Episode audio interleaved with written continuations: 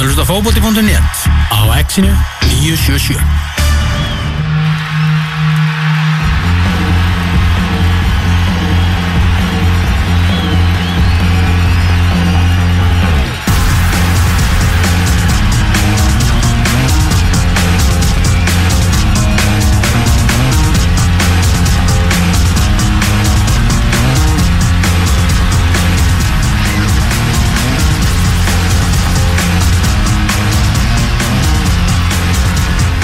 Komið þið sálu blessuð, það er út af státturinn fókbóti.net sem heilsar ykkur 19. janúar. Já, ég er ekki frá því að janúar hafi verið bara skrampi fljótur að líða hinga til og meðal annars er það að þakka handbólta landsliðinu okkar sem er komið áfram í milli reyðla Við ætlum aðeins að taka smá handbóltasnúningi út af stætturum fókbóti.net hér í uppafi Ég heiti Elvarger Magnússon, tala hérðan af Suðurlandsbrautinni en á línunni frá Köln er Tómas Þór Þórðarsson Jú, góðan og gleðilega daginn. Hvað segir þú kallið menn? Hvernig, hvernig er Köln að leika við þig? Það eru Kölnleikur töluvert betur við okkur heldur en uh, skýta bælið munnhjálm. Herru, þið voru ekki hrifnir á munn hérna, ég sá þetta líka að Þorkjall er, er, með þér í því Já, já, ég hef með setið það með, með Þorkjali, vorum að fá okkur að borða hér hátíðismat í, í bæ. Uh, bara við að koma inn í, inn í kólókn var maður varðið það, hér var maður komin í, í borg sem að stötti ára 2019 Hmm. en skítabælið munnhjörn er, er nú bara eitthvað mesta, bara algjört sort, leiðilegt fólk, leiðilegu staður, uh, bara, bara hræðilegu, ömurlegu matur, bara, þú veist, og aðalega bara vond fólk. Ertu bara, ertu bara laus og prísund bara Já, þetta var svona, við vorum ekki hrifnir þegar við vorum að það. Hmm. Síðan bara eftir svona sjö klukkutíma í Köln, og þá vorum við bara, wow, fyrir við hötum er og, og Sigurður Sigurður Már myndatöngumæður sem er nú búin að lenda heldur betur í, í hremmingum eh, og er akkurat núna upp á sjúkrahúsi. Eh, hann var alveg sammála með því að, hérna, að þetta er að munn henni er, er skítabæli. Býttu, hvaða hremmingum lendi, lendi? Hefði, hann fekk svona heftalega síkingu í, í eirað og er, sem sagt núna að reyna að, það var sko sendiherra Íslands í, í, í Þískalandi Mm. eða Kölni, ég veit ekki að ræðiskustofan í Kölni var allan að ræst út í morgun til að finna lækni fyrir hann því að hann á bara það í hættu að vera heyrnalust drengurinn ef það fyrir ekki að lagast Wow. og hérna það er búið að vera mikil erfið för fyrir hann allan allan svona síðustu dagur og hann lendir og heldur betur í, í remmingum í gæð þegar hann var hérna þetta fór á spítala þegar við komum til Kölnar og, og ég fór nú ekki með hann, við fórum að vinna Mhm. og hann fer á bara glæsilegt sjúkrahús nema hann, hann er svona, þú veist, þetta er afsakalega myndalegu drengur sko, en hann var svona, þú veist, með öllarhúu í öllarpeysu og svona smá skegg sko, þetta er útivist að maður mikil Mhm. og lapparinn á sjúkrahúsi svona alveg bara, skilur, hann leit svolítið út eins og dópisti sko, sem hann Ah. viðkendi sjálfur Já, þannig að þeir eiginlega svona vildi ekki sjá hann og bent um að fara á annað sjúkrahús og að þess að það er tveggja til þryggja tíma byggð þér, fara nú frekar þanga og svo eftir að setja þar í þrjá og hálfa klukkutíma aðeins að fá aðstóð uh, átti hans á því að hann hefði bara verið sendur á svona sjúkrahús sko fyrir bara minnipokamenni, aumingja og, og hérna dópista sko. Nei. Allt í, jú, allt í kringum hann voru bara einhverjir, þú veist, menn af Ellendubergi brotnir, hann er nokkuð við sem að þeir þeirra alltaf að ræna okay.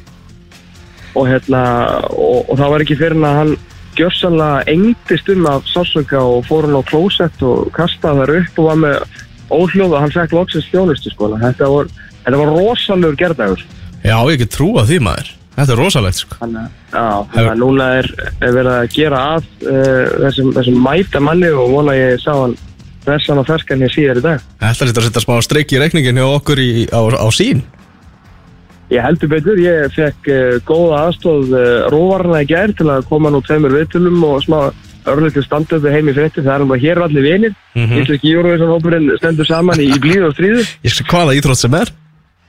Hvaða íþróttin er.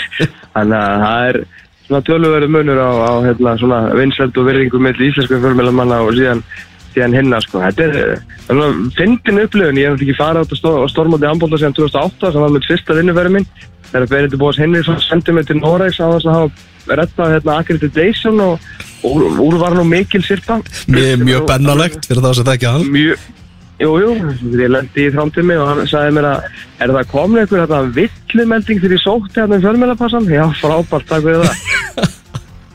og hérna, þannig að hérna þetta er mjög svona fyndin stemning svona með við, eh, með við fótboltamótin sem við erum nú verið að fara á skoðinu. Það getur verri en bara öllu finnari. Já, svona öðruvísi, hver er, hver er helsti, helsti munur? Uh, helsti munurinn að hér eru ekkit rosalega margir að vinna held ég uh, eða þú veist þeir, þeir segja hérna, Ívar Benindisson hefur nú á morgunblæðinu hefur nú farið á, á stórmótin fleirin 1 og fleirin 15 sko Mm. og, og hann spjallaði einhvern mann ég man ekki hvað, sko, í Serbíu 2012 eða eitthvað sem að sá um fjölmjöla aðstöða þar og hann sagði að sér hérna að Balkanskæin mætti bara á þessi mót til að geta Já, þetta, þeir væri ekkert að gera nema bara horfa á leiki og, og fá fritt að geta ok. Þannig að það er, það er menn ekki hann Við sáum náttúrulega að alveg ævinn til að finna kalla líka á HM og EM í fótbolltarskoðan ég ætlum ekki að fara eitthvað að einskóla þetta við, við handbóltan en það er svona það er svona öðruvísi stemningina en, en mjög skemmtileg Já, heldur betur. Við tölum aðeins um, um bara handbóltan, við erum að fara að keppa á móti uh, þjóðverjum í, í kvöld. Uh, ní, 1930 að íslensku tíma er, er sáleikur í hvað Lagsnes Jú, jú. Arena. Þetta er, er íslensk tenging, það? Eh, heldur, heldur betur Ragnar Dóra DNA höllinni Já, helgjörlega. Uh, svo erum við að fara að keppa, ef þetta er rétt þetta, á móti frökkum sólarring síðar. Já, 20, og- ei, 20 og hvað, tveimur og hálfum tími síðar Svo erum við að fara að keppa á móti brössum á miðvikudaginn. Er þetta ekki svolítið skrítið? Taka bara er- þjóðverjan og frakkana og svo fáum við bara hálfa viku til að undirbúa okkur undir brassana. Jú, mjög, sem að þú veist, og fyrir þannlega getur þú veist öll, þegar við vinnum ekki kvöld þá er eiginlega öll nótt úti um að ná þessu sjöundasæti, sko Mm. og þá einhvern veginn ertu að fara í geðveitt erfiða leik við frakka eftir að hafa fengið enga kvild og svo ertu bara komið hérna bara að fara á bátsferðir bara um rínarfljótið sko ára og ferðið einhvern tíðingalösa leik þannig séð á móti Brasilíu Já. uh, en þetta er náttúrulega alveg af hverju er spil ekki lögða mánudag miðvikudag bara skilur ekki nokkur maður en, en það hefur oft verið í kringum svona mótsvöld í handbólta að, að það er erfitt að finna einhverjar eðlilegar útskýringar á hlutunum Ég held að vilji bara halda umræðun veginn svona. Það hugsaði, það er verið að tala um þetta og með því að gera eitthvað skrítið þá bara, þá, þá höldum við okkur í umræðinu, sko. það eru öruglega einhver ástæði ég vona að sé einhver ástæði fyrir þessu það væri mjög fyndið ef einhver myndi bara svona actually vakna í daginn með viti hérna hjá alþjóða handfæðansambandinu og bara svona herðu væri ekki betra að spila laugjata mánudag og miðvikudag en allir fór svona daga á milli Já, segðu, segðu það ekki vera með þetta vesen. Þetta er flott svona, ég er búinn að setja upp í Excel og bara áfragang. Uh, Já, þetta verður, verður- þetta verður erfitt. Þetta verður gaman samt í kvöld. Já, við erum náttúrulega, þú veist, höfum þannig að séð einhvað tapa, ég menna, þetta er bara öll pressir á þjóðvörum, það er engin að búast því að við hefum nokkuð breyk í, í þýskalið. það er eitthvað 20.000 manns það verða svona 19.913 þjóðverjar. Já. Og restin þú veist, frá Íslandi og einhverju öðru sko. Af hverju fengum við 15 miða á hana leik? uh, ég bara þjóðverðinu alltaf vissi að þeir eru að fara í millireinin hér Já. og, og bara, þú veist elska handbólta og, og þú veist, elska og þetta er bara gegn í höll og svona, þannig að og þeir eru góða minningar eru heimsmestræðuna fyrir 12 árum síðan þannig að veist, þeir íslendingar sem að kipti ekki follower team hefur það var hægt það er, er náttúrulega bara voru í basli sko og náttúrulega fá ekkert með það Nei, algjörlega. En Aron Einar Gunnarsson, fyrirlið þjóðarinnar, hann verður segja mættur annað kvöld á, á leikina á móti frökkum. Það er nú hressandi.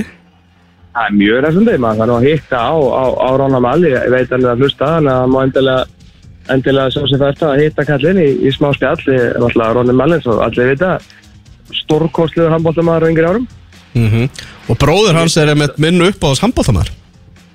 Í alvöru, hann er enda geggjaður, sko. Já.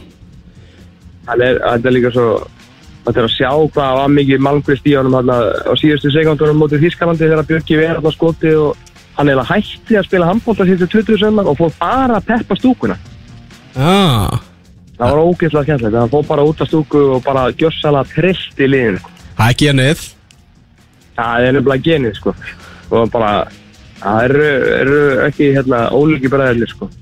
Já, og þeir eru náttúrulega báðir númer 17 og það var talað um það í, í morgunblæðinu morgun að, ástæðum að rekja afskaplega seinir með fréttir að krakkarnar á morgunblæðinu því ég greindi frá þessu á öðrum degi mótsins. Já, ok Þetta er Já, hvað, ég- hú, hús á Ísafyrði sem er númer 17 og, og hvað er ekki, af og amma sem að þeirra bræðra sem að, sem að bjóða þær Bjöggu þar? Já, ammar, ég spurði með Arnald hvort hann hérna geti útskýrið það og hann sagði já, þetta var húsnumur ömmu og Ísafirði. Ég bara ok, það er ekki flókið. Ég er alltaf morgunblæði bara hérna kljúa atómið í morgun með þessum eldgamlum fréttum. Það er bara þannig sko. Heyrðu, en, en orðið sem, sem að oft er enna, kynnslóðaskipti Thomas Já, Þarna, það er mikið búið að vera svona í umræðinu og ég fór svona að googla þetta og þetta er búið að vera í svolítið mörgum stórmótum núna í röð, þetta orð. Algjörlega. sem er, nú, nú spyr ég þig þar sem að þú veist talsvægt meður um handbólta heldur en ég. Já, uh, voru hinn kynnslóðaskiptin fyrir einhverjum árum síðan einfallega missöfnuð var rámt að nota þá orðið kynnslóðaskipti eða hvernig þetta er því að það er alveg klárt mála að, að þetta er rétt nefni núna en samt orðin gömul tugga þrátt verið að segja fattur rétt að nota hana á þessu, þessu móti já, algjörlega. Mér er búið að gera rosa svona, þetta orð svolítið merkingalöst á undanfjöndum árum því að þetta er hárrið, þetta er búið að vera ógeðslega lengi umræðinni.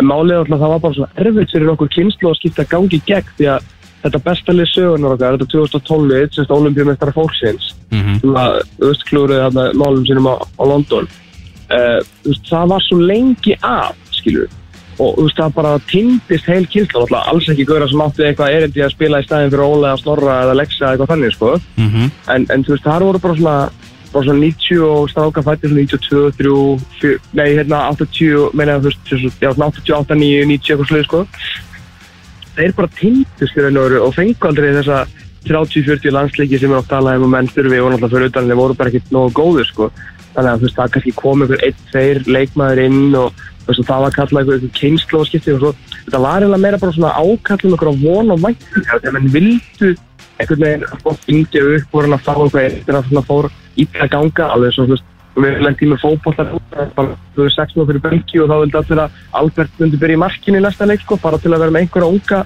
inni Mhm. sko Mm Eh, þannig að orðið, já, hefur orðið fá þessi kynnslóðskipti lóksins í gegn, en það á svo sannarlega við núna því að ég held að fólk átti sig ekki alveg okkur 24,3 ári meðalaldri á handbóltalega því að sé, sé lítið því að þetta er, er gamalt sport sko, þú veist, bestu liðin er alltaf bara um 30 og yfir 30, mér er besta landslið okkar var held ég rúmlega 30 2012 uh, Danirnir þegar þeir hérna, uh, hvað á móti að það sé þeir eru alveg hundgamlir frakkarnir lengi mjög gamlir en þú veist þeir náttúrulega í hús á, á 60 miljónum að velja og, og hérna fáður alltaf upp þú veist, svakalega unga strákar líka sko. en hérna uh, spámirarnir eru hundgamli líka þannig að þetta er gamalt sport og menn ótrúlega til satt endast alveg ógæðislega lengi í þessu drátt fyrir að þetta er mikið svona það er mikil átök og, og náttúrulega hvað er bara illa farið með handbóltamenn hvað þeir þurfa að spila mikið þau á þessu hæsta leveli og stormót Mhm. á hverju ári deildirnar og hérna Champions League og kannski aðalegð með Þískalandi og, og nú Fraklandi -hmm. en hérna náttúrulega kannski öðuldur að vera veist, í, í Vesprem og, og Barcelona og svona sem spila veist, einhverja gummiboltalegi meira og minna nema í Champions League sko. Mhm. þannig að hérna, já, ungir strákjar á, á uppleið og, og hérna bara, þeir spila líka svo miklu krafti og svo miklu ánæg og svona þess að bara gaman að horfa á það, sko, veist, ég er ekkit við sem er vinnuð þískandi kvöld sem svona 20 manns og sóknarleikur er ekkit búin að vera þannig að- við erum ekki að fara að ráða þess að þísku vörð og Andreas Wolf í markinu, skilur ég er alveg, alveg sult og slagur á því og hvað þá að spila 22 tími síðar við frakkana. Uh, þú veist, alls ekki. En meðan að menn bara þú veist, maður hefur alltaf trú til framtíðar og meðan að þeir hafa trú á þessu sjálfur sko, þeir er bara komið smá töffaraskapur í það og maður bara finna með hverju viðtalinu þú veist, þeir eru að batna þar og maður sé bara svona stjórnublik í þeirra. Þeir, þeir vilja meira og ég held að þeir alveg þeir eru bara að fara að njóta í kvöld og sama hvernig fer, þú veist, skiptir engum máli. Pressan er á, á þjóðverunum, sko. En það sem við viljum bara að þeir skilur halda áfram að gera það sem þeir eru að gera. Já, það verið nóg til að vinna Þískaland núna það kemur bara í ljós skilur klukkan tíu kvöld sko, eða á okkar tíma. Mhm. en síðan sjáum við til hvað gerist á EM og háum eftir það og kannski ólimpíuleikum því að ég held við megum alveg vera helvíti spennt fyrir þessu, fyrir þessu handbóltaliði sko. Við eigum sko besta leikmann í heimi í fættan 2001 og hann er bara að bera sko boltapókana henni sko. hann er ekki komin inn í Danfoss. Það er rosalegt sko. Þetta er hérna Já, þetta, það verður gaman þegar við fyrir að taka út úr bankanum. En þetta mót fer svona svolítið að setja inn í bankanum náttúrulega undir stjórn þessa Ah, geggja þjálfara sem að, sem að gumma er sko. Ég vil hérna ógeðslega góða þjálfur Já. En hver er svona búin að vera, vera mest óvæntur í, í viðtölum? Svona af þessum Óvandir í viðtölum, já. Já bara svona sk- betri viðtölum heldur en þú gerir ráð fyrir þegar þú varst í fluginu þannig út til Þískanlands Kili, hver er búin að vera óvænt best, bestustur í viðtölum? Þorkjeld Gunnar Sigurbjörnsson er eh, spurður álit sér í betni Herru, frábær punktur frá, frá, frá Kila og ég er sammáður, Óli Gúst. Já, Það er, hann er það svo langt til að hann hefur verið relevant í handbólta umræðinni heima sem hann náttúrulega ekkert verið í landsliðinu og náttúrulega bara mikið að spila úti. Það var enda, þú veist, í sagt, er hann áður en að við tókum hann. Hann fer eiginlega út bara hann máli eftir að, eftir að sleipnibilkjan byrja, sko. Sem sagt aftur. Mhm. En hann er rétt hjá, hjá Þorkili. Hann, er að- hann er mjög skemmtilegur og beinskettur og, og segir bara það sem hann er að meina og drullu fyndin og svo er hann svo rosalega rosa myndinleika miður, sko. Að Óli Gústi er búin að vera svona, maður reynir að taka hann svona oftar en ekki, sko. Það er gaman að hann. það er vel gert. Heyrðu, klára að borða, ég beða að heilsa Kjela og Einari og, og Óskari og öllum sem eru hérna úti og Ívari, náttúrulega. Og Sigga og vonum að hann missi ekki hérna Já, Sigga maður, bata hverður á, á hann. Heldur betur. Heyrðu, gaman að heyra þér. Hvað sér þau? Hvað er þetta við höfum? Herðu, ég þættir mjög okkur í, í dag ætlum að fara yfir við elska boltan hérna rétt og eftir og svo kemur Orri Sigurður Ómarsson. Hann ætlar að, Já. hann ætlar að kíkja þessi í heimsókn. Jakob Thomsen, hann er komin í FH aftur. Bara bara endanlega? Nei, fóðu kann afturlánaðan út næsta tímabil. Það er Já. Færi einhverju, kemur frá Midtjylland. Hann, hann var vaksandi á síðasta tímabili þannig að þetta er, þetta er Já, ég- jákvæmt fyrir FH Veitu, Hvað er valið með mikið af uh, miðvarakvöldum núna? Þeir eru núna með fjóra bara, þú veist, mjög öfluga miðvara að kalla Já. Og svo alveg kalla sig getur þessu að lista af líka. Þannig að það verður spurning. Það er alveg bara átt sem hann orri er að fara í. Þannig að það verður frólægt að heyra hvernig, hvernig hún er lísta þá þann slag þegar það kemur þetta til Herri, ég ætla, ég ætla að hlusta. Líst vel á þetta, bye bye Tom. Bye bye. Uh, Það held ég Það held ég. Á, ég ætla ekki að lækki sjálfu mér hérna. Það er, nú bara þannig. Stend hérna einn í eh, við takkana þessu sinni í eh, hljóðveri Axels. Hér réttu eftir ætlum að heyri Daniel G. Moritz. Ætlum að skoða hvað er í gangi um helgina í elska boltanum. Það er reysa lundunarslagur sem verður setnibartin í dag. Svo ætla Runólu Trösti að velja fimm bestu markverði heims í dag. Hann er svona einn helsti já, markvarða grúskari landsins, mikill, mikið markvarða nörd, þannig að það verður frólægt að heyra hans val. Þú ert að hlusta á fótbolti.net á exinu 977 Elva geir með ykkur á X-inu 977 Hátegisleikurinn í anska boltanum Hann er að fara að hefjast. Eh, Liðin er að ganga út á völlin Ekki kannski alveg stærsti hátegisleikur sögunar Við erum að tala um Wolves á móti Leicester. En það eru flotti leikir í dag. Liverpool er að að gefa móti Crystal Palace. Þið verður að eh, finna ykkur aðra leiðir Heldur en stötu sport til að sjá þann leik. Því að Manchester United Brighton Hann verður síndur í bytni útsendingu. Svo er það eh, uh, síðdegis leikurinn 17.30 þá er Arsenal og Chelsea að fara að eh, eigast við og eh, á línunni er stuðningsmæður Arsenal Daniel Geir Moritz félagi minn úr engastinu hvernig ertu Daniel? Hæði, ég er bara svona ljómandi góður, þakka þér fyrir. Það er bara þannig uh, stemming í, í vestmannu hvernig er veðrið í eigum? Hæði, það er svona slittu snjókoma. Það er búið på það Já, þetta er ekki að skemmtilegast, en það er klapp að leiðilegast í heimi, sko. Það er mjög leðilegt Það er aðeins verið að framlega það, en það er óvannig lítill vindur með þessu, þannig að það er nú ekkit vond við, sko. En þetta er svona, já, slittu snjókoma, það mætti vera bara meiri snjókoma. Já. Já, það er með svona jólasnjór hjá okkur í, í Reykjavík sko. Nú, ok, já, ég var alltaf daginn til ég að skipta á því, sko. Við erum bara í hátíðasköpum hér sko. Heyrðu, Nú að horfa á handbóltan alveg á fullu, það. Ég er búin að horfa á þá leiki sem ég kom heim. Ég er búin að horfa það á En það var ekki tægt að horfa þetta í Katar. Það er mjög eðlilegt að, að bara heimaland sko Asjumeistarana Og þeir heldu þetta mót 2015 og, og þeir sína sko allar íþróttir. Þeir eru með svona BN Sport 700 stöðvar sko. Já, En þeir sína þetta ekki samt. Nei, ok. Já, þeir sína bara ekkert frá HM í, í, í handbólta Við ætlum ekki að tala, við erum búin að eyða öllu þættinum núna Það sem afir í að tala um handbólta Ég náði þér samt aðeins. Já, það náðum mér aðeins að flug. Við ætlum aðeins að, aðeins að hérna, ræða um Arsenal Chelsea. Hvernig er tilfinning Arsenal manna fyrir þessum leik á heimavelli á móti Chelsea í dag? Ég held að bara að stuðnist með Arsenal séu bara nokkuð smekir fyrir þann leik. Ok, og hafi hérna oft verið svona borubrattari fyrir heimaleiki í ennsku úrvastildinni og svona hvernig gengi hefur verið að undanförni hjá Arsenal þetta hefur náttúrulega verið já, svona nokkuð dapust frá og með jólum mm.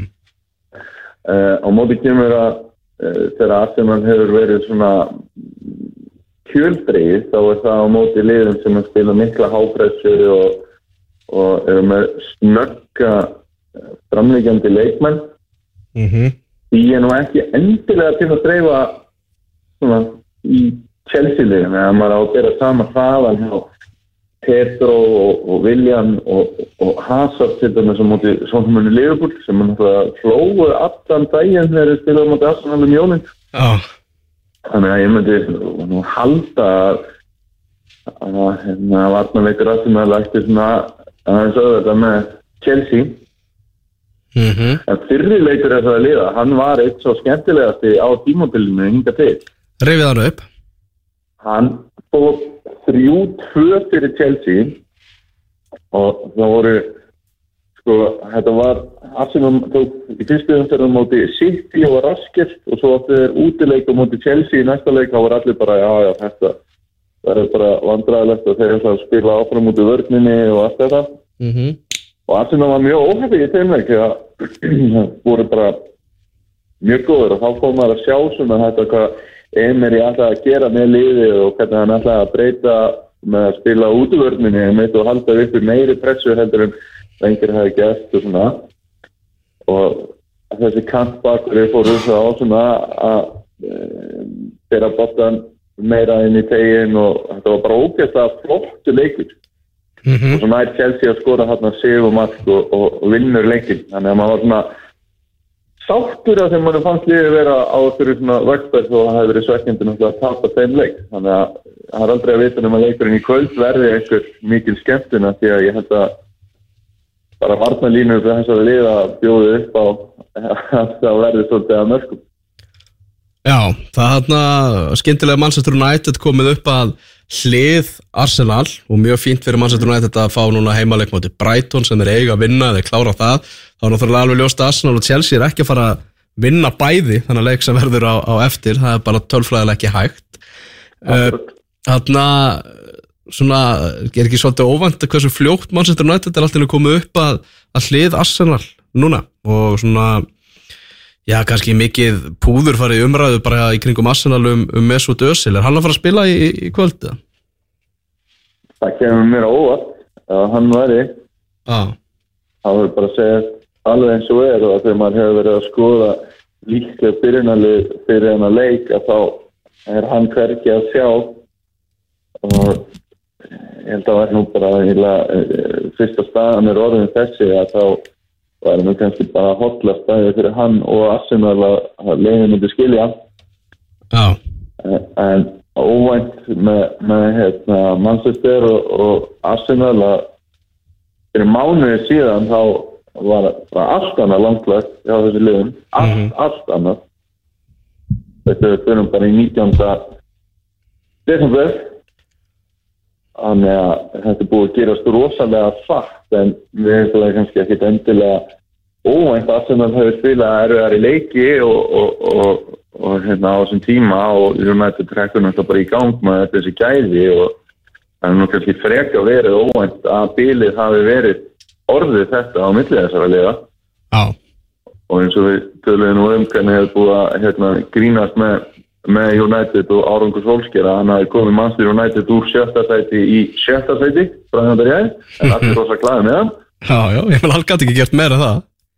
Nei, já, og bara enga veginn og, og hérna þessir grínkallar sem tala með þessum hætti þeir fara að fagna sko því að ég held að við munum sjá mannstum nættið vera bara komið í bara alveg baráttu um þriðja sæti á en langt um líkur.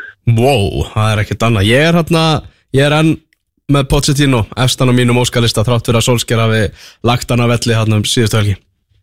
Já, Það er, Eh, maður skilur það alveg og uh, Positino er alltaf búin að sína eitthvað í þessari deild í ángan tíma og, og mm, þú hlýtur náttúrulega heilast af því hvað hann hefur gert líka í, í, í leikmannaköpum og svona sem að Solskjær hefur náttúrulega ekkert fengið að sína mm þannig að já, það alveg skiljanlegt. En, en hvað, og ef við fyrir með skalan góða 1-10, hversu ánæður eru, með- eru þeir bara með tilkynningu í februar að- Solskjær eru með að við bara að United haldi áfram að spila vel og ná einn er ekki- ég er kannski ekki að spyrja þeir bara út frá því að þeir vinni alla leiki mm en hversu ánæður eru að heyra bara að Solskjær eh, væri búið að ráða hans sem stjóra hjá United ég var ekkert sérstaklega ánæður og var ekkert ósáttur heldur sko.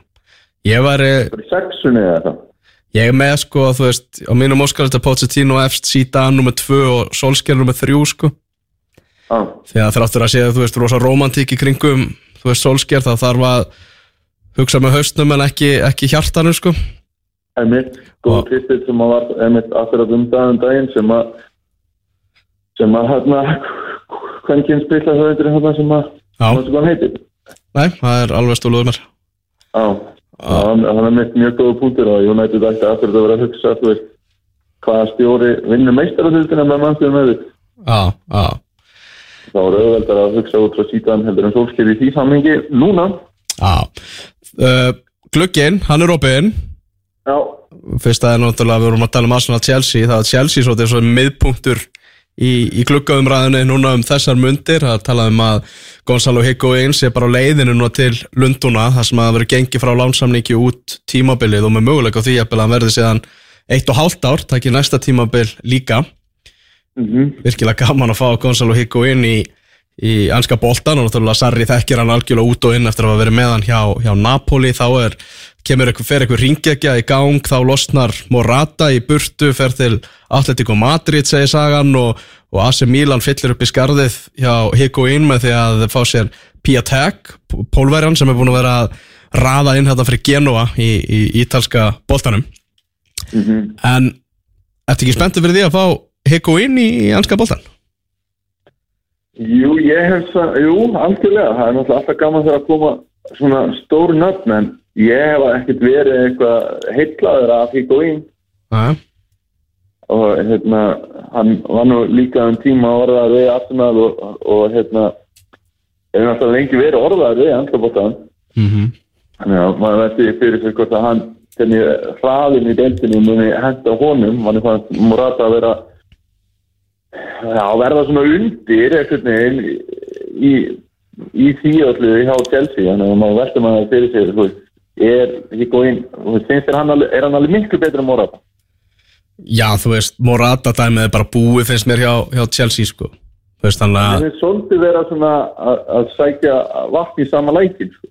Já, mér finnst það sko veginn Higuain, ég held að það er svona hefð fyrir því hjá Chelsea að séu með strækjar sem er stór og sterkur og þú veist, líkamlega og svona mm -hmm. Þannig að ég, já, þú veist, ég held að það þau eru ekki að tapa hann inn á þessu, þú veist, Morata dæmið það var bara, veist, það var ekki að fara að koma meir út úr honum, þannig að bara því ekki að, að reyna þetta, þetta getur svona eitthvað En ef þú ætlar, ætlar að spila, þú veist, ég held nefnilega að þeir séu ekki bara að hugsa um einhvern svona stóran og sterkan strækir af því að þeir eru með mögulega besta strækir í heimi að vera í hlutverki þessar stóra og sterkar strækir sem er Oliver Giroud, Já, já, þú veist, sem að hefur náttúrulega ósjálfan hérna, Já, þú veist að fyrst og, fyrst og fremst er að hugsa náttúrulega það að Sarri þekkir hans, hann er spilaði sama kerfi og hann er að spila með Chelsea núna hjá Napoli og hann smelt passaði inn í það og ræða enn mörgum já, já, nákvæmlega, held ég að sé svona nummer 1, 2 og 3 sem er að hugsa um sko. já, já.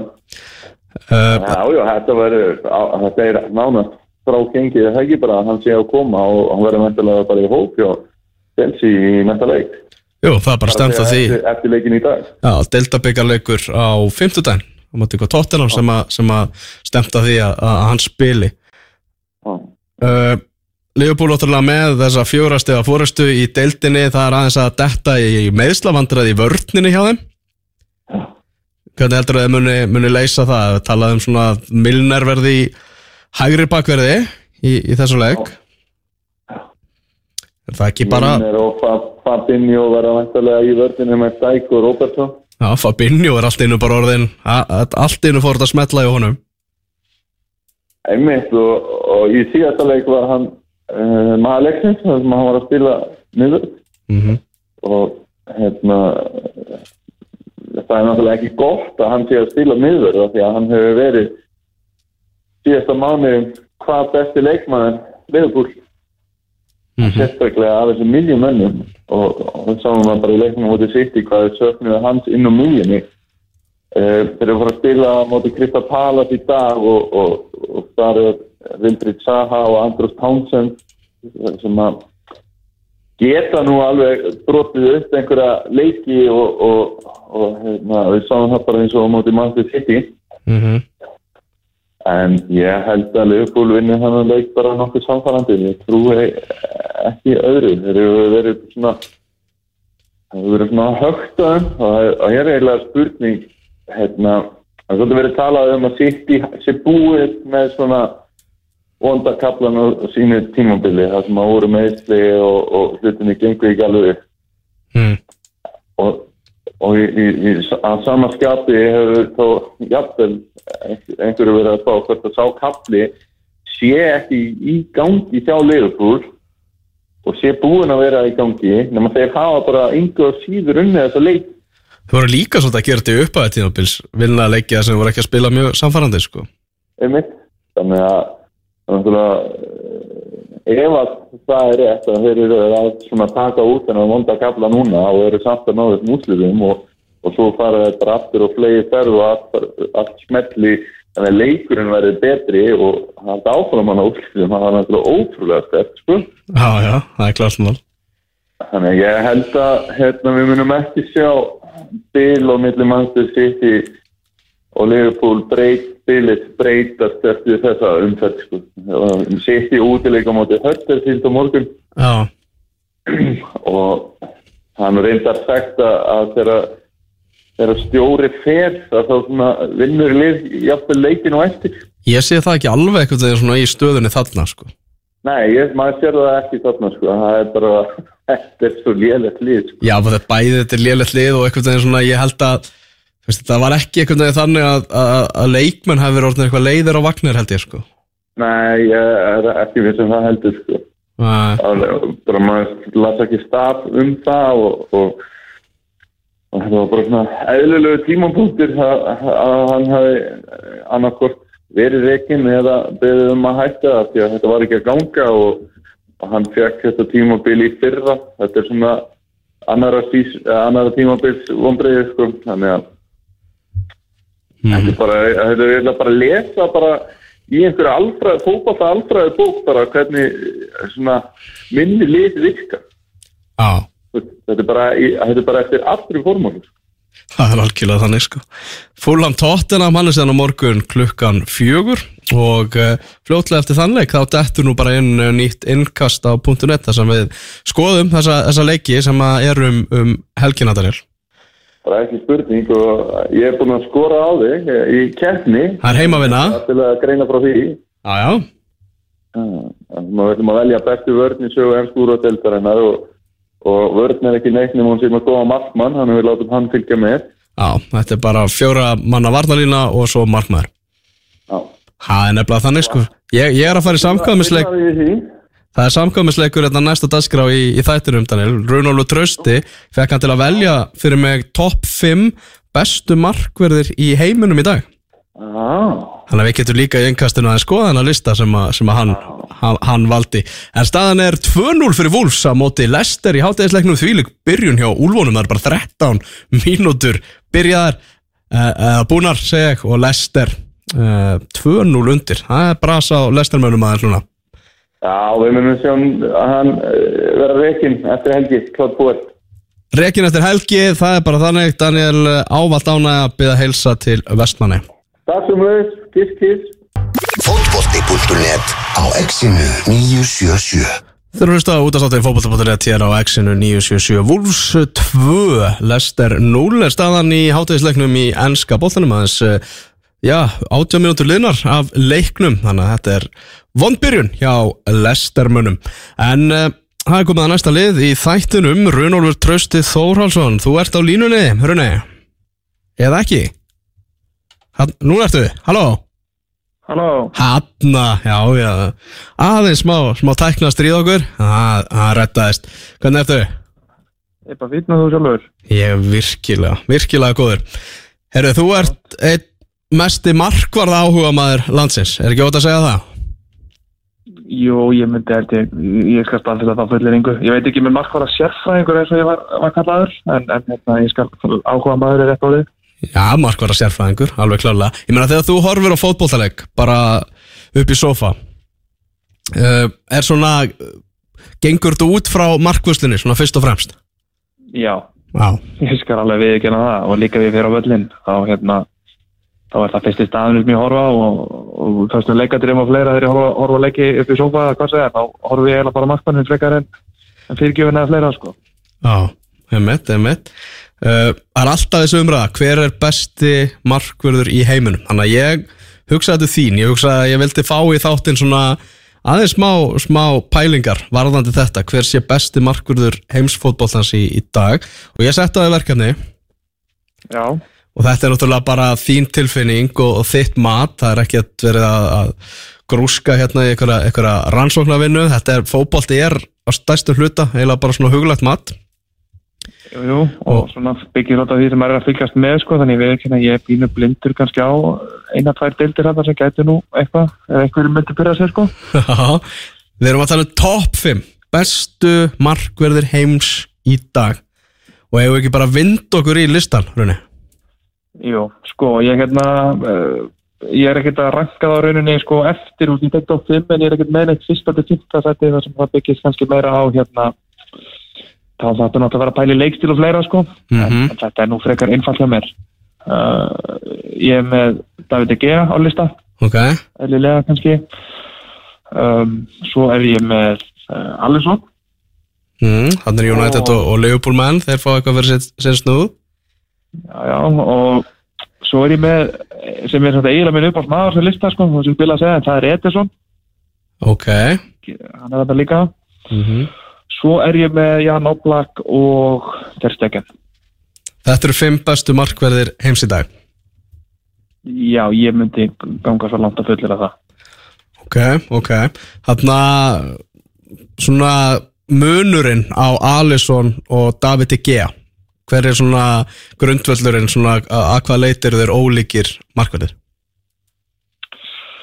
um, kannski, sko þeir eru í grunninn að mínum að ekki það ólíkir það sem að hérna uh, heldur munun er bara að sá að Alisson er með meira pláss fyrir fram að sig og það er lendi þannig að vera stöðlegri að koma út úr markinu en hann er samt ekkert til dæmis um, hvað kan maður segja jafn svona jafn æstur í að, að vaða út eins og, eins og landið sinn í, í Masti City sko sem er svona sér á bátinn annars hvað það var þar sko mm -hmm. uh, en uh, ég munurinn er í rauninni bara leikst í liðina hjá Alisson og Tegea sko. þeir eru báðir sínir í fótunum Alisson kannski aðeins svona Tegea finnst ekkert of gaman að koma línunni sko. en hann gerir alltaf innan innan vítategs kannski, þannig að verður ekkert mikið út fyrir hann Mm -hmm. Fæ ég ekki til að sitja saman top 3? Það er í hausnum að það er já um,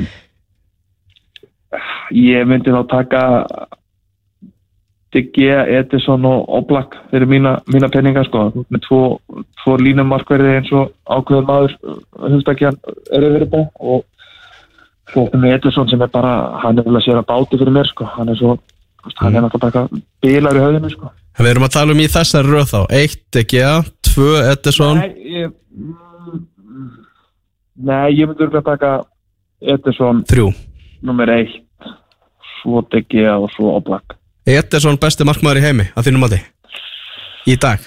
Sko, hann er skemmtilegastur og Já. það, hann, veist, og hann fær ekki á sig mikið af mörgum og ég veit ekki, sko, ég, hann gerir mestalegi einmest eitthvað tímanbilið verið þeirra.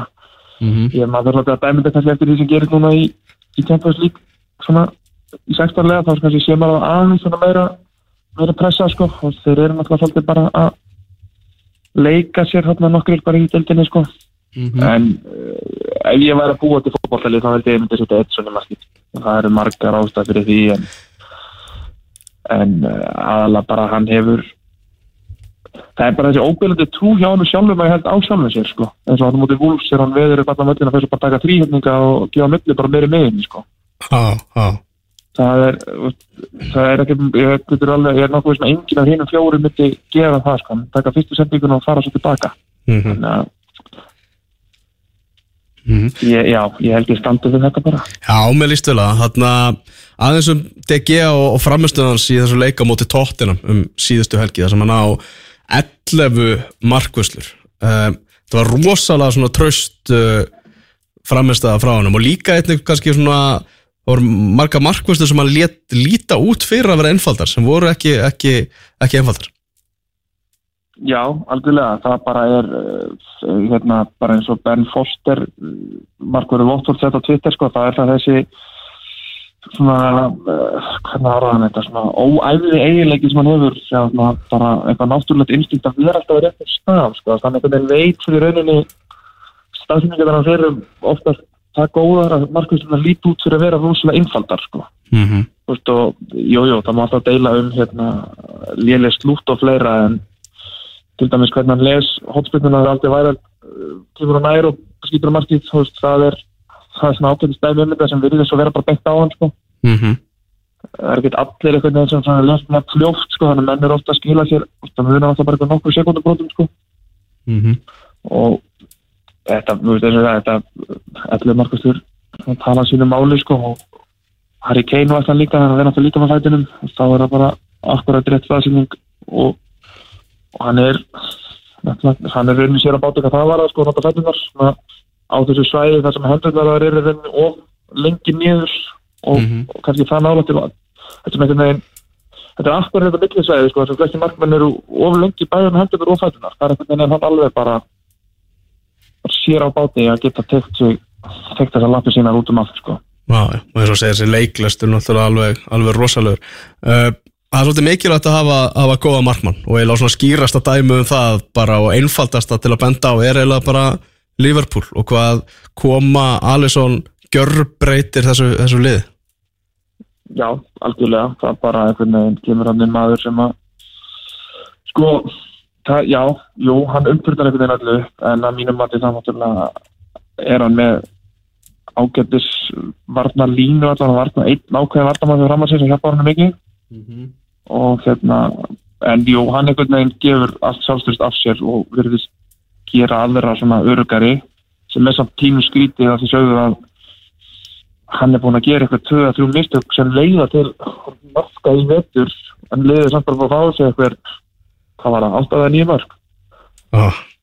það var eftir fyrir sér ef hann var ekki búin að gera neyn mistök og þá var þeir með bara eitthvað sex mörg fengið á sig í 20 leikjum í dildinni sem er náttúrulega bara út í höft sko en hann einhvern veginn þrátt fyrir að gera þessi einstakar mistök þá kostaði aldrei lið og þeir einhvern veginn verið alltaf tristónum og hann treysti sjálfum sér líka bara að Hann er líka með svona bara svo mikil ára einhvern veginn yfir honum að þetta er svona, svona sterkan karakter sem maður sér eiginlega bara í gegnum sjómarpið sko. Já, já, þeir eru það einhvern veginn allir, allir þessir svona bestu markmenn í heimi, þeir einhvern veginn verðast alltaf að gefa af sér eins og segir áru og ég held að flestir sóknarmenn einhvern veginn, þú veist, kannski sást best bara eins og að dela allir þegar hann slapp í getna móti DG, hann einhvern veginn virtist ekki að reyna að trúa því að fara sjálfur að fara að skora sko. mm -hmm. þetta var sér svolítið svona áræða presens hvað sem að nota einhvern veginn sem þessi menn sem bara einhvern veginn það gistar aðeins sko. og sóknarmenn er mjög mjög stressaðir svona þegar þeir átt að sjá því almenna hver er í markinu einhvern veginn. Já, akkurat, akkurat. En Edison, besti markmaður heimi það er, það er fyrirsögnin sem við tökum úr þessu spjalli runni, bara takk jæglega fyrir þetta og, og gaman að heyri þér. Takk sem við leiðist bara. Heyrist bara. Fótbolta.net á X977 En þá 2-0 fyrir Wolves á móti Lester Svo var að klárast þetta leikur í Fótbolta.net mótinu þar sem að Ía vann 4-2 sigur á móti F-fáingum Bjarki Steinn Bjarkason skoraði 2 og lagði upp 1 fyrir Ía.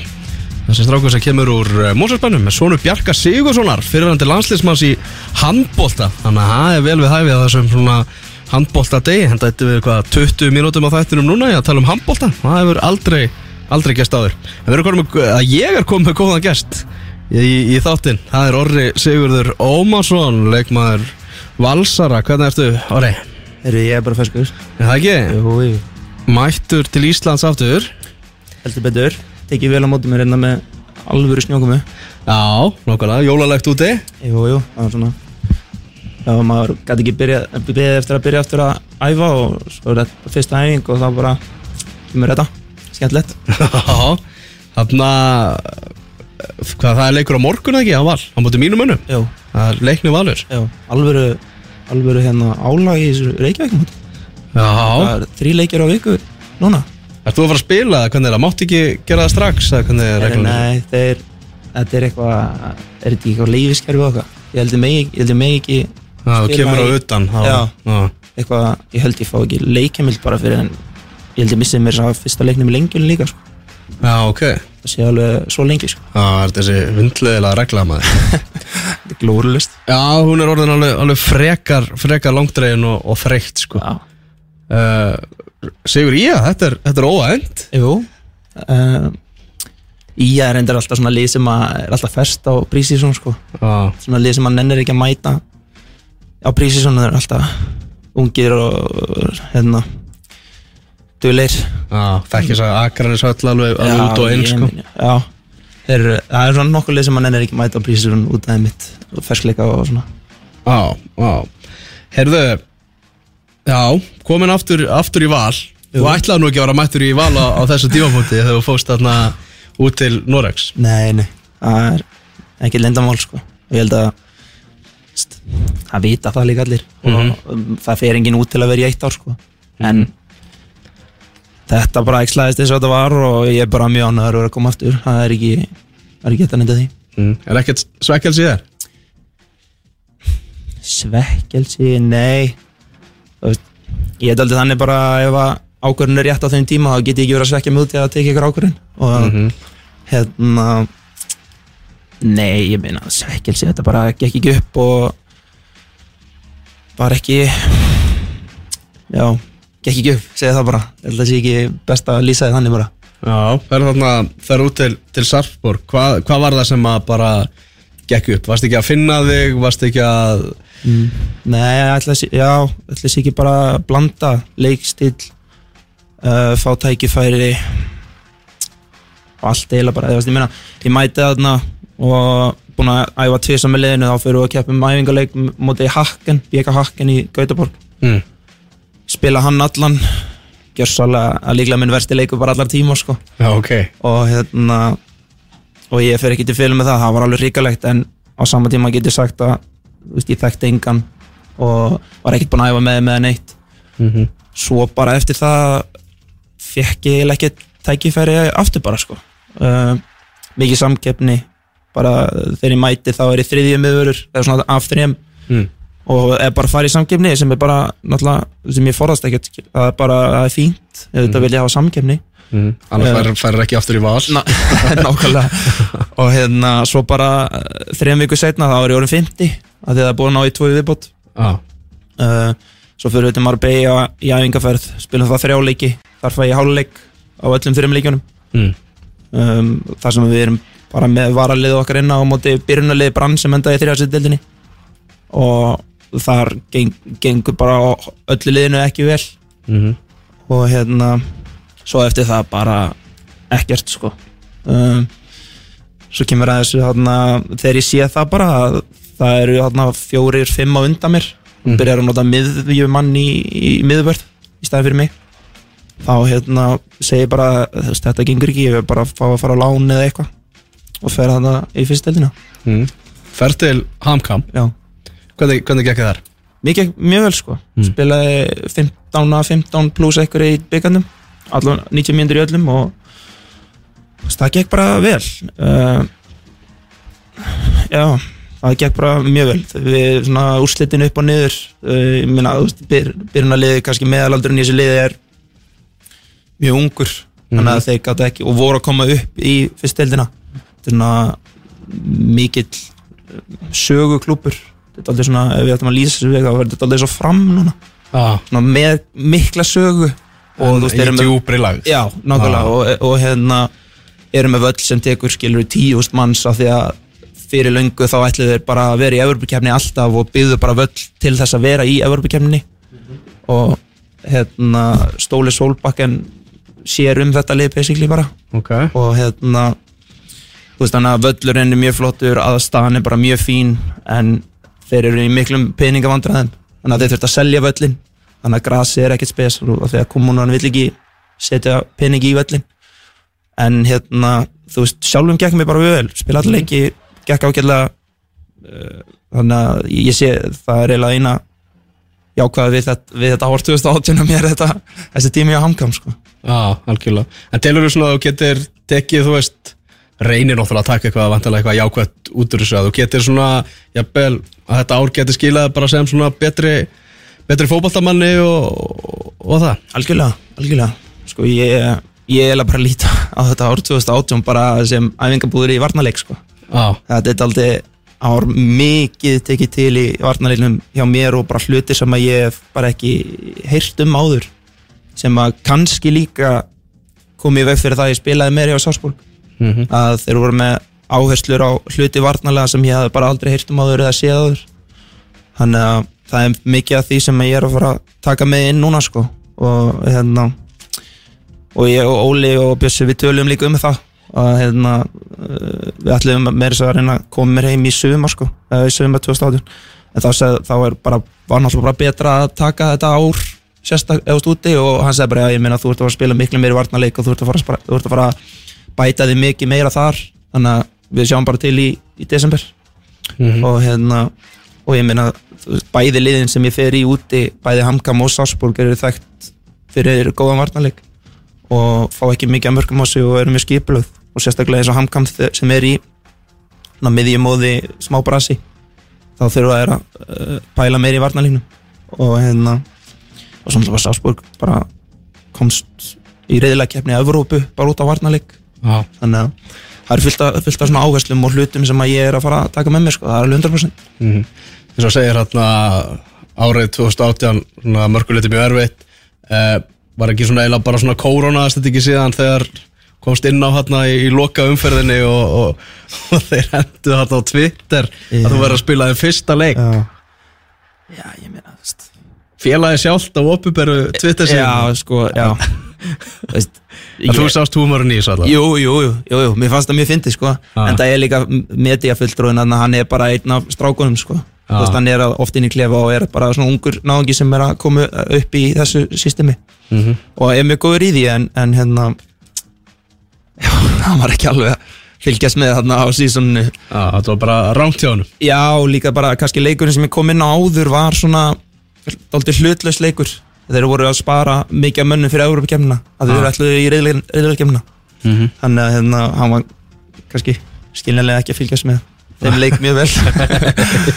Og þú skrifaði þetta á Twitter þú spilað það lítið að félagi sjálft mann ekki eftir þú komst inn á fyrra á tímabili svo tek ég mark, nei, tek ég assista mér hérna setna í æfinga leik og ég leður þetta aftur þá og Það var voðalega var hann á móti þér Já, hann Já Hann hérna Já, hann er að vinna unninu sína.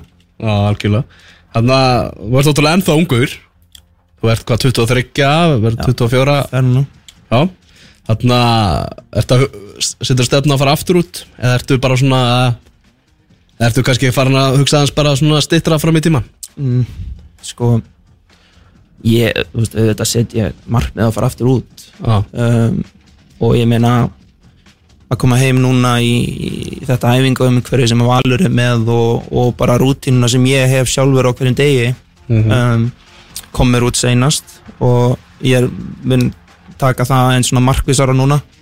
Þannig að ég meina auðvitað, auðvitað stefnir maður bara á að gera sitt besta fyrir val skilur og það er náttúrulega það sem kemur út á endanum. Mhm. þannig að ég byrja á því og svo sé ég til hérna hvað hva býðist en á sama tíma þá þá fer ég kannski aðeins að hugsa betur eða kannski að skáta liði betur sem ég er að fara til að, svo ég lendi ekki í þessu aftur eins og ég lendi mm núna.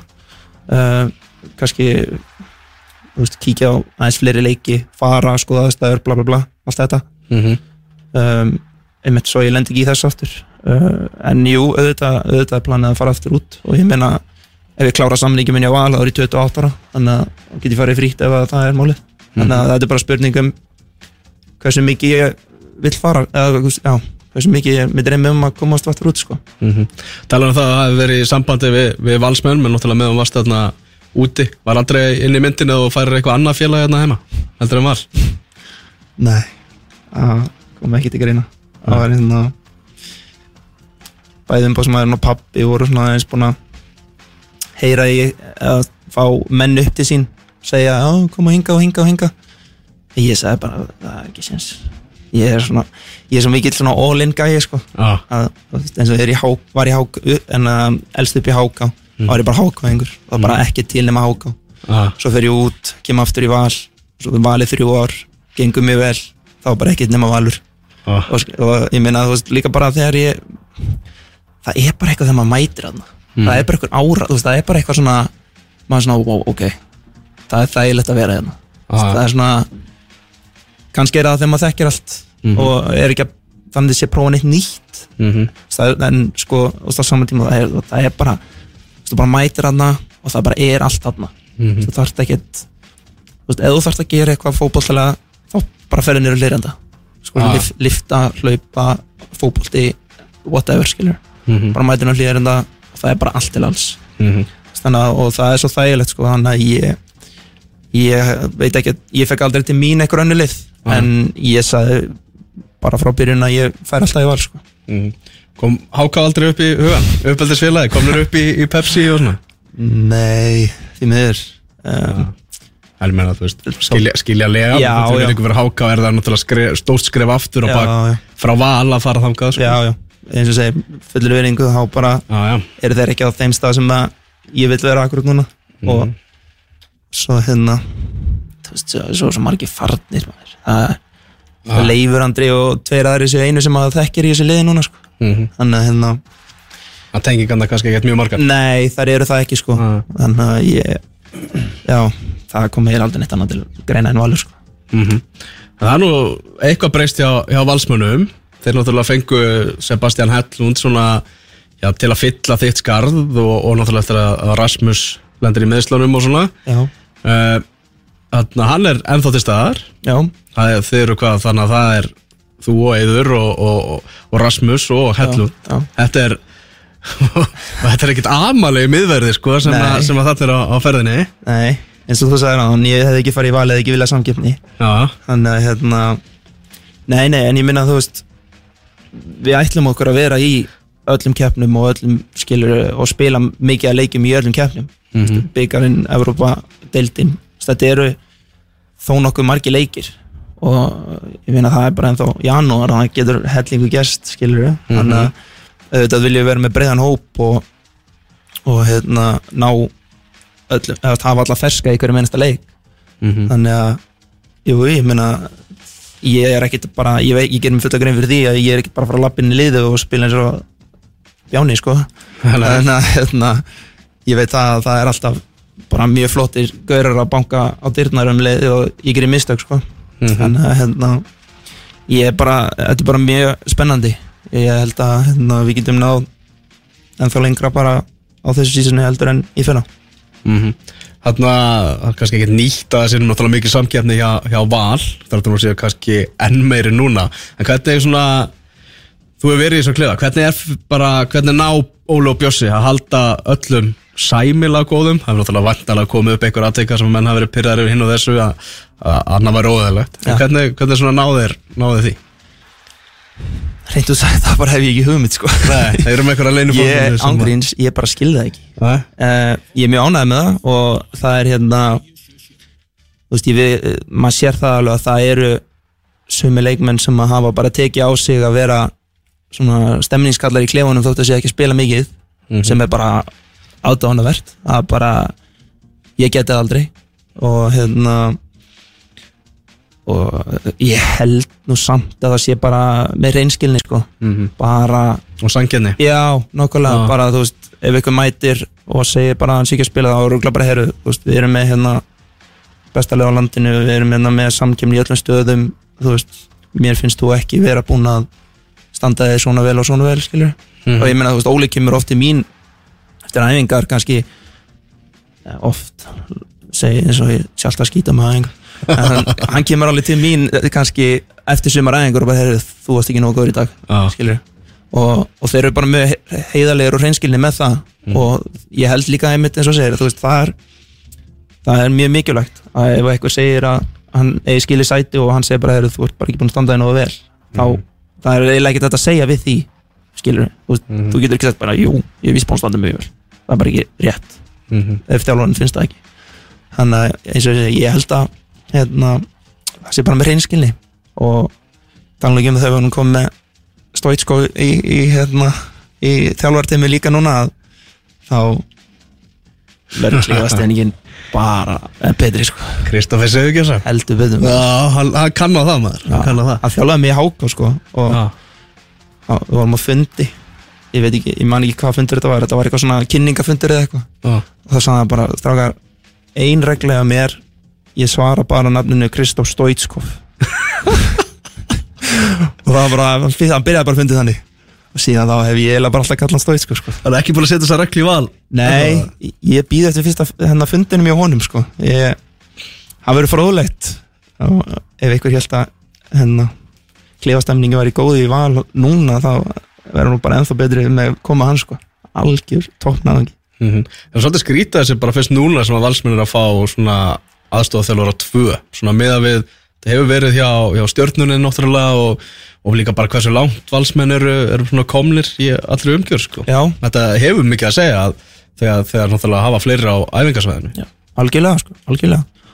Og já, algjörlega líka líka þegar þú ert ekki að fá þú veist, þú ert að fá alvöru mann skilur, þú veist, þetta er ekki bara einhver hérna þú veist, Jón út í bæ skilur, þetta er ekki bara einhver sem vildi fá að vera með. Þetta er þjálfar, actually, góður þjálfari skilur, sem er búin að fara í gegnum margt og mikið og búin að ná skilur, hann er búin að vera í flottin liðum hann, hann hefur alveg fullt, hann kemur með fullt á borðið og það er eins og segja, daldið ég veit að þetta er búið að vera í pípunum daldið lengi að, ah. að fá þriðja sko, mm það hefnaðist ekki þyrra vissi ég, ég veit ekki alveg af hverju. En, en Óli, Óli sagði mér allavega að það ekki hefnast yfir ah. þannig að hérna Rúna, Rúna Kristins og talaði um það bara í þættinum hérna. Það var svona stærsti munurinn frá því að koma aftur heim. Já, það var það að, að skipulagningin og æfingum þau vart alltaf komin bara með einn aðstofamann Já, sko, eftir, að, eftir að verið hann úti hjá, hjá Lilleström já, líka bara eins og segir það er kannski maður tók aldrei eftir því eins og úti hjá Sarsborg ég meina þeir eru með þeir eru með fjóra, fimm þjálfara á æfingum. Ah, en skilur eitt sjúkaþjálfara ah, þú veist það er svona eins og við okkur, við erum með við erum með eitt sjúkaþjálfara nánast bara í fullri vinnu. Mm -hmm, og svo erum við styrtaðalur sem getur verið sjúkaþjálfara líka ef hann þarf þess. Þú veist, þannig að já, það er aldrei aldrei sérstætt kannski að hafa ekki fengið annan inn og núna skilur þetta líka gefur svo, gefur svo marga möguleika. Þegar núna getum við þess vegna tvisar á dag ef að það er máli sko. Því eins og Bjössi, Bjössi er að vinna í einhverju skóla líka. Mhm. þannig að hann kemst ekki alltaf. Og það getur bara Óli og Kristó. Fattarðu? akkurat og líka bara svona gaman að fá, fá nýja rattir inn í þetta sko. Já, algjörlega, algjörlega. Ég var endur að horfa á þarna æfingi á PSG í vikunni það gæti ekki talið þjálfarna það var reynda margir þjálfara sem vissi ekkert hvað er hægt að gera þetta Já. leið hálf kjánalega Já, það, já, einmitt. Það er líka, þetta er ákveðið jafnvægi sko. Já. Þarna, mennið sem eru komnir inn Hvernig líst þér svona á, á, á, á klefastemminguna núna með þessum svona nýjum mönnum menn, menn sem eru meiri læti kannski. Það getur ímyndað sér það, heldur hann að heldur hann voru á þér já klefastemningin er tróðin allan, ég get sagt það. Það er rosalega lítið pláss í klefunum núna. Við þurfum eiginlega sko já, Þið eigið rosalega marga fótball Þetta er alveg svakalegt. Já. Og við, komið með einhver arkitektúr hann sem að brjóta niður einhverju veggi og eitthvað Býðum eftir því. En hérna, já, sko Við erum komið með bara mjög skemmtilega leikmenn Já, Ég man að þið töluðu aldrei um það að það vantaði svona standa upp á sætum leikmenn já, í deildina bara Mm. við erum komið með bara svakalega marga þannig fyrst mér Mhm. þú veist, við erum með Kai og Byrni og Andra og Mhm. þú veist, Kitta Frey og fullt af svona leikmenni sem eru svona klúsitúlu leikmenn skilur, Mhm. sem er bara virkilega skemmtilegt að horfa á og hérna Vestaður að taka sko Þið eiginlega þurftuð ekki á þessum leikmönnum að halda. Þið eru að taka, standa upp úr sætunum leikmönnum frá hinulegan á bara að mæta allar á hlýðan það er ekki flóknar það. Það er þannig. Að hérna, það verður mjög gaman á hlýðan í sumar. Ég eiginlega get bara að lofa því. Þannig að ég er mjög spenntur fyrir að sjá þessu leikmennuleika hvernig þeir kom inn í hérna, systemi sko. Að því að víst, ég meina, ef þú horfir á hópin okkar núna þá eru þeir með 20 kantmenn skilur Já, þannig að ég verður aldrei spenntur að sjá hver hjá þeim er, hver er að fara að spila í, í hólunni eða hvort við fyrir í 3-5-2 eða hvort við hérna bara rótirum mikið eða eitthvað svona. Pældi hvað fyrir bara gegnum hausin á sko, þjálfurum anstæðinga eitthvað sko. Veist bara hvað er verið að fara að gera núna sko. það er bara, já það verður kíkt á byrjunarlegin sko marga leiki tilbaka þá er hún er spá í okkar byrjunarleg sko. Já, það er þannig sko. Þannig að ég, ég já, þetta er þetta er mjög spennandi sko, ég meina það sem ég er náttúrulega ekki búin að efa neitt rosa mikið með þessum nýju Mhm. en ég meina eins og ég eins og hérna þeir virðast fyrir mér þá er þetta bara frábært sko ég meina, já, Byrnir og Kai kannski sérstaklega og Garðar náttúrulega eru bara að koma virkilega vel inn í þetta svona, það er svona kannski þrýr Mhm. sem að ég sé sem er svona fljótast er að taka við þessu Mhm. og Garðar með, Jesus ég vil leiðilegt að spila mútan hann er svo ógeðslega sko, hann, Kann hann öll trikkin í hann bókinni? kann öll trikkin maður. Já, það er óþólandi, já, maður veit aldrei hvað hann er. Já svo, að ég verði eiginlega að segja að hann svo sko, hann er ekki svo hraðast í bransanum Mhm. en samt snér hann á mig á æfingun daginn. Það var ótrúlegt. Fyrst að heyra það frá Bjösa, þetta er á ykkur Bjössa, herru, hann er ennþá að tala. Það er þrjár viku síðan eða eitthvað. Ah, hann plataði mig alveg på skónu þar. Hann, hérna, hann er ótrúlega lungin maður. Já ég held að já, hann verður mjög spennandi suma Maður heyri líka sko, þú veist, það var eitthvað hérna, það var ekki það var eitthvað að gaggrina svona að hann var í fenginn á, á þessu tímapunkti. Hann svaraði bara á Twitter. Ég meina, Garðar að fá þetta tækifæri núna, það er eitthvað sem segir mér það að hann sé bara þistari heldur en nokkur sinni fyrir sko. Já, að, ég get alveg tekið undir það. Ég minna að það bara sést líka á æfingunum. Hann er bara hann er svo góðu bóksleikmaður hann er alltaf á réttum stað. Og, og með bara lið eins og við erum með þá veist hann skilar alltaf mörgum mörgum mm. og ég meina ég, ég var um þetta að tala um því ég er mitt fengið þetta líka sko er hann að fara í val núna Já. sko ég held að hann sé svona leikmaður að, að ég sko ég gerir náttúrulega fullulega ráð fyrir því og ég held að Garri gerir það líka að Garri er fara að starta flesta leiki Mhm. uh, og hérna ég held að Garðar sé svona leikmaður sem kemur inn á og varnamenni verða svona uff, skilur Mhm. þetta er dálítið svona að maður mætti F á og það 20 minnir eftir og þeir setja allar verið inn á þá var maður svona já ok, Já, það er, bara, það er bara svona í genunum Já. í þessum gæjum að skora. Já. Það og það bara- var maður svona ok hann er ekki að fara að stinga mig af, hann er ekki að fara að gera neitt en ég þarf alltaf að vita hvað hann er. Mhm. af því að hann er svona gaur sem bara skorar. Svo, ég get ekki sko talið upp ég get ekki talið upp leikina sem hann hefur klárað fyrir FH bara með því að koma inn á hvað var það, hann að 2015-16 eða eitthvað já, þeir eru vinna og, og hann bara hann bara skipta honum inn á alltaf bara í lokin og hann bara skorar alltaf já, Þú veist, og maður fær svona, maður fær svona, ok, núna þarf ég að vera ekstra mikið á tannum og ég held að Garða geti verið með tanni leikmaður, sko. Mhm. Þetta verður spennandi og náttúrulega það er alltaf þessi, þessi Evrópu draumur sem að lifi og maður hugsa náttúrulega hvað ef þessi búlgarski dómari hafði ekki fengið þarna einhverja peninga í brevpoka og, og, og. Og flauta val út á móti Rosenborg sko. Já, ég, já. Hefur hann dæmt aftur eða? ekki Evrópu sko. Hann er, Hva, bara, er hann frá, hvað sagði, Rúmeníu? Búlgari Búlgaríu. Já, Og er hann að dæma þar? hann er að dæma þar. En UEFA er bara búið að frista hann. Já, já, og alveg verðskuldað. Er það nátt að tala við sambandið það líka? Í, í Búlgari Já, ég, í Búlgari erum hann alveg saman eitthvað, fyrst ykkur svona sko. Þrjú víti, já, þetta er bara eðlilegt. Já, já, þetta er bara Já, er sko. Hérna, þú ert stundismarð ekki? Já, jú Þú ert það, akkur ertu að dæsa? Æ, ég er bara, þú er ekki að segja neitt, sko maður vill ekki jinxa þetta Þú er- þú trúir á þótt ég jinx? Nei, ég trú ekki á það, en þú veist, það er bara svo típist um leið maður byrja að tala um þetta þá svona já, ok, þetta er fara klúður bara svo lofurinn skilur fattur þau? bara að við fyrir tableysir í gegn svo bara gefur hann tap skilur Já. Veistu, jú, jú, ég trú ekki að jinx en þetta er svona svo æ, setja eitthvað svona út í kosmosin skilur, þetta er svo típist. Já, Þetta var En- auðveldur leikur í okkur um þetta Krista Palla í dag. Já, já, ætlaði ekki, bróðum minn á leiknum hann, og hann hefur ekki síða sigurleika held ég vantvilt þannig að ég, hérna, ég ger ekki ráð fyrir sigur í dag. En jú, jú, ég er liðbúr maður. Þetta er loksins gaman núna eftir 15 ár. Mm -hmm.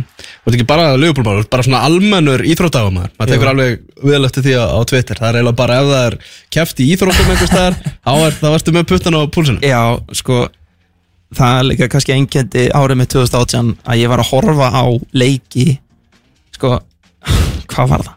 Það var eitthvað bara IBVF stjarnan í kvennahambolta Já, þá áttaði mig bara hvað ert að gera?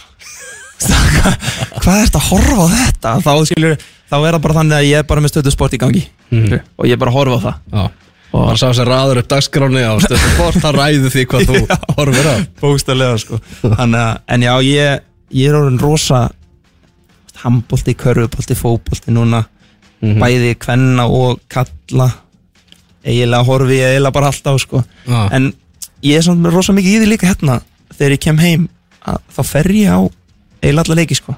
Þessu reykjökumóti og svona mæt, ef, ef við hefum setni leikin þá mæti ég á fyrir leikin Já. og ef við hefum fyrir leikin þá horfi ég á setni leikin og fer á æfingaleiki og eitthvað svona. Ég veit ekki, mér finnst það bara einhvern veginn gaman, svona Þegar- stemning. Þegar hún er að fara á Pepsi þetta leiki í öðru liðum og svona. algjörlega, Já. og einn kass og þessuna sko. Já, akkurat. Að ég Já, ég ætla uh, Ég er, sem, ég er samt svo Ég er svo dómherður sko. Þannig að ég verði eiginlega að horfa á fleiri leiki en ég geri að því að Þú veist, ég veit ná liðlega leik þá finnst mér bara ömulur Já, já. Þannig að En Þetta, þú veist, íþróttir er eiginlega svona bransi Það er bara hvað hefur verið gert fyrir mig Já. að undanförnu nákvæmlega sko. Þannig að er sér bara Viktor Lindelöf hjá Manchester United og allt í nú elska allir hann. Já, nákvæmlega og herri þeirra og svona. Já. Þannig að hérna, ég Ég finn núna að skáta fyrir lengjuna er þannig. Algjörlega Er það að verður spennandi að fylgjast með þér og, og valsmönnum og, og, og núna á, á, á undirbúinu stíðanbyrjun og sjá hvernig þetta fer allt saman Bara takk hérlega fyrir komuna Takk fyrir Á, komið. Ávalt gaman að spjalla þig Svoleiðis. Hátæðisleikurinn í anska boltanum við regnum Wolves og Leicester stendur 2-2 Úlfarnir komist í 2-0 en fyrirháleikurinn hann hefur spilast vel fyrir Leicester menn Demari Gray skoraði að 47. mínútu og Harvey Barnes á 50. og 1. og nú eru 56 mínútur á klukkunni þannig að það er eh, spennað í gangi leikurinn er sjálfsögði betni útsendingu á stöð 2 sport. Ef við rennum yfir leikina sem að verða klukkan 3 þá er Manchester United Brighton. Hann er síndur í betni útsendingu á stöð 2 sport. Eh, Manchester United getur það runnið sem sjöunda leik í röð og sett enn meiri pressu á liðin hann fyrir ofan sem að eh, mætast reyndar eh, síðar um daginn. Liverpool er að fara að keppa móti Crystal Palace, það er hægt að nálgast eh, þann leik meðal annars á Ölveri í Glæsibæ, en hann verður eins og ekki síndur í, á stöðtursport það var þessu sinni Manchester United sem að var fyrir valinu. Bournemouth mætir West Ham Newcastle mætir Cardiff Southampton leikur á móti Gilváfélögum í Everton og svo var það Watford á móti Burnley sem að uh, Jóhann Berg Guðmundsson ég held að uh, það sé óvíst með hans við erum að býða bara það til klukkan slæf 2 og Burnley tilkynni sett byrjununa lið. Uh, Arsenal-Chelsea, það er stórleikur helgarinnar, hann verður klukkan 17.30, það spilast allt saman mjög vel fyrir íþróttahugamannin því að handbóltalandsleikurinn gegn Þýskalandi verður séðan 19.30 þannig að það er hægt að horfa á kappleiki gjössamlega í allan dag og bara alla helgina Höttersvild mætir City á morgun og svo er það Fulham Tottenham sem verður klukkan fjögur og þar með líkur 2003. umferð elsku úrvalsdeldarinnar en uh, ég heiti Elvar Geir Magnússon er búin að vera með ykkur síðan klukkan 12 ætla að hætta aðeins fyrir núna þennan daginn búin að vera einn hérna við uh, stjórnvölin þar sem að Tómas Þór Þórðarsson er stattur í Þýskalandi að fylgja strákunum okkar eftir en við tókum nú gott handbólta hot með honum Tómasi bytni frá Köln hérna í upphafi þáttar. Daniel Geir Moritz fór með mér yfir um, það sem er í gangi í anska boltanum og uh, svo var Runólu Trausti sem að valdi hérna bestu mark, besta markmann í heimi fimm bestu markmann heims í, í dag og uh, síðast en ekki síst þá var það gestu þátturinn þáttarins Orri Sigurður Ómarsson sem var hérna í hljóðverinu. En uh, segjum þetta gott uh, þennan uh, laugardaginn Tómas Þór Þórðarsson verður mættur hérna með mér aftur eftir viku. Þanga til, bye bye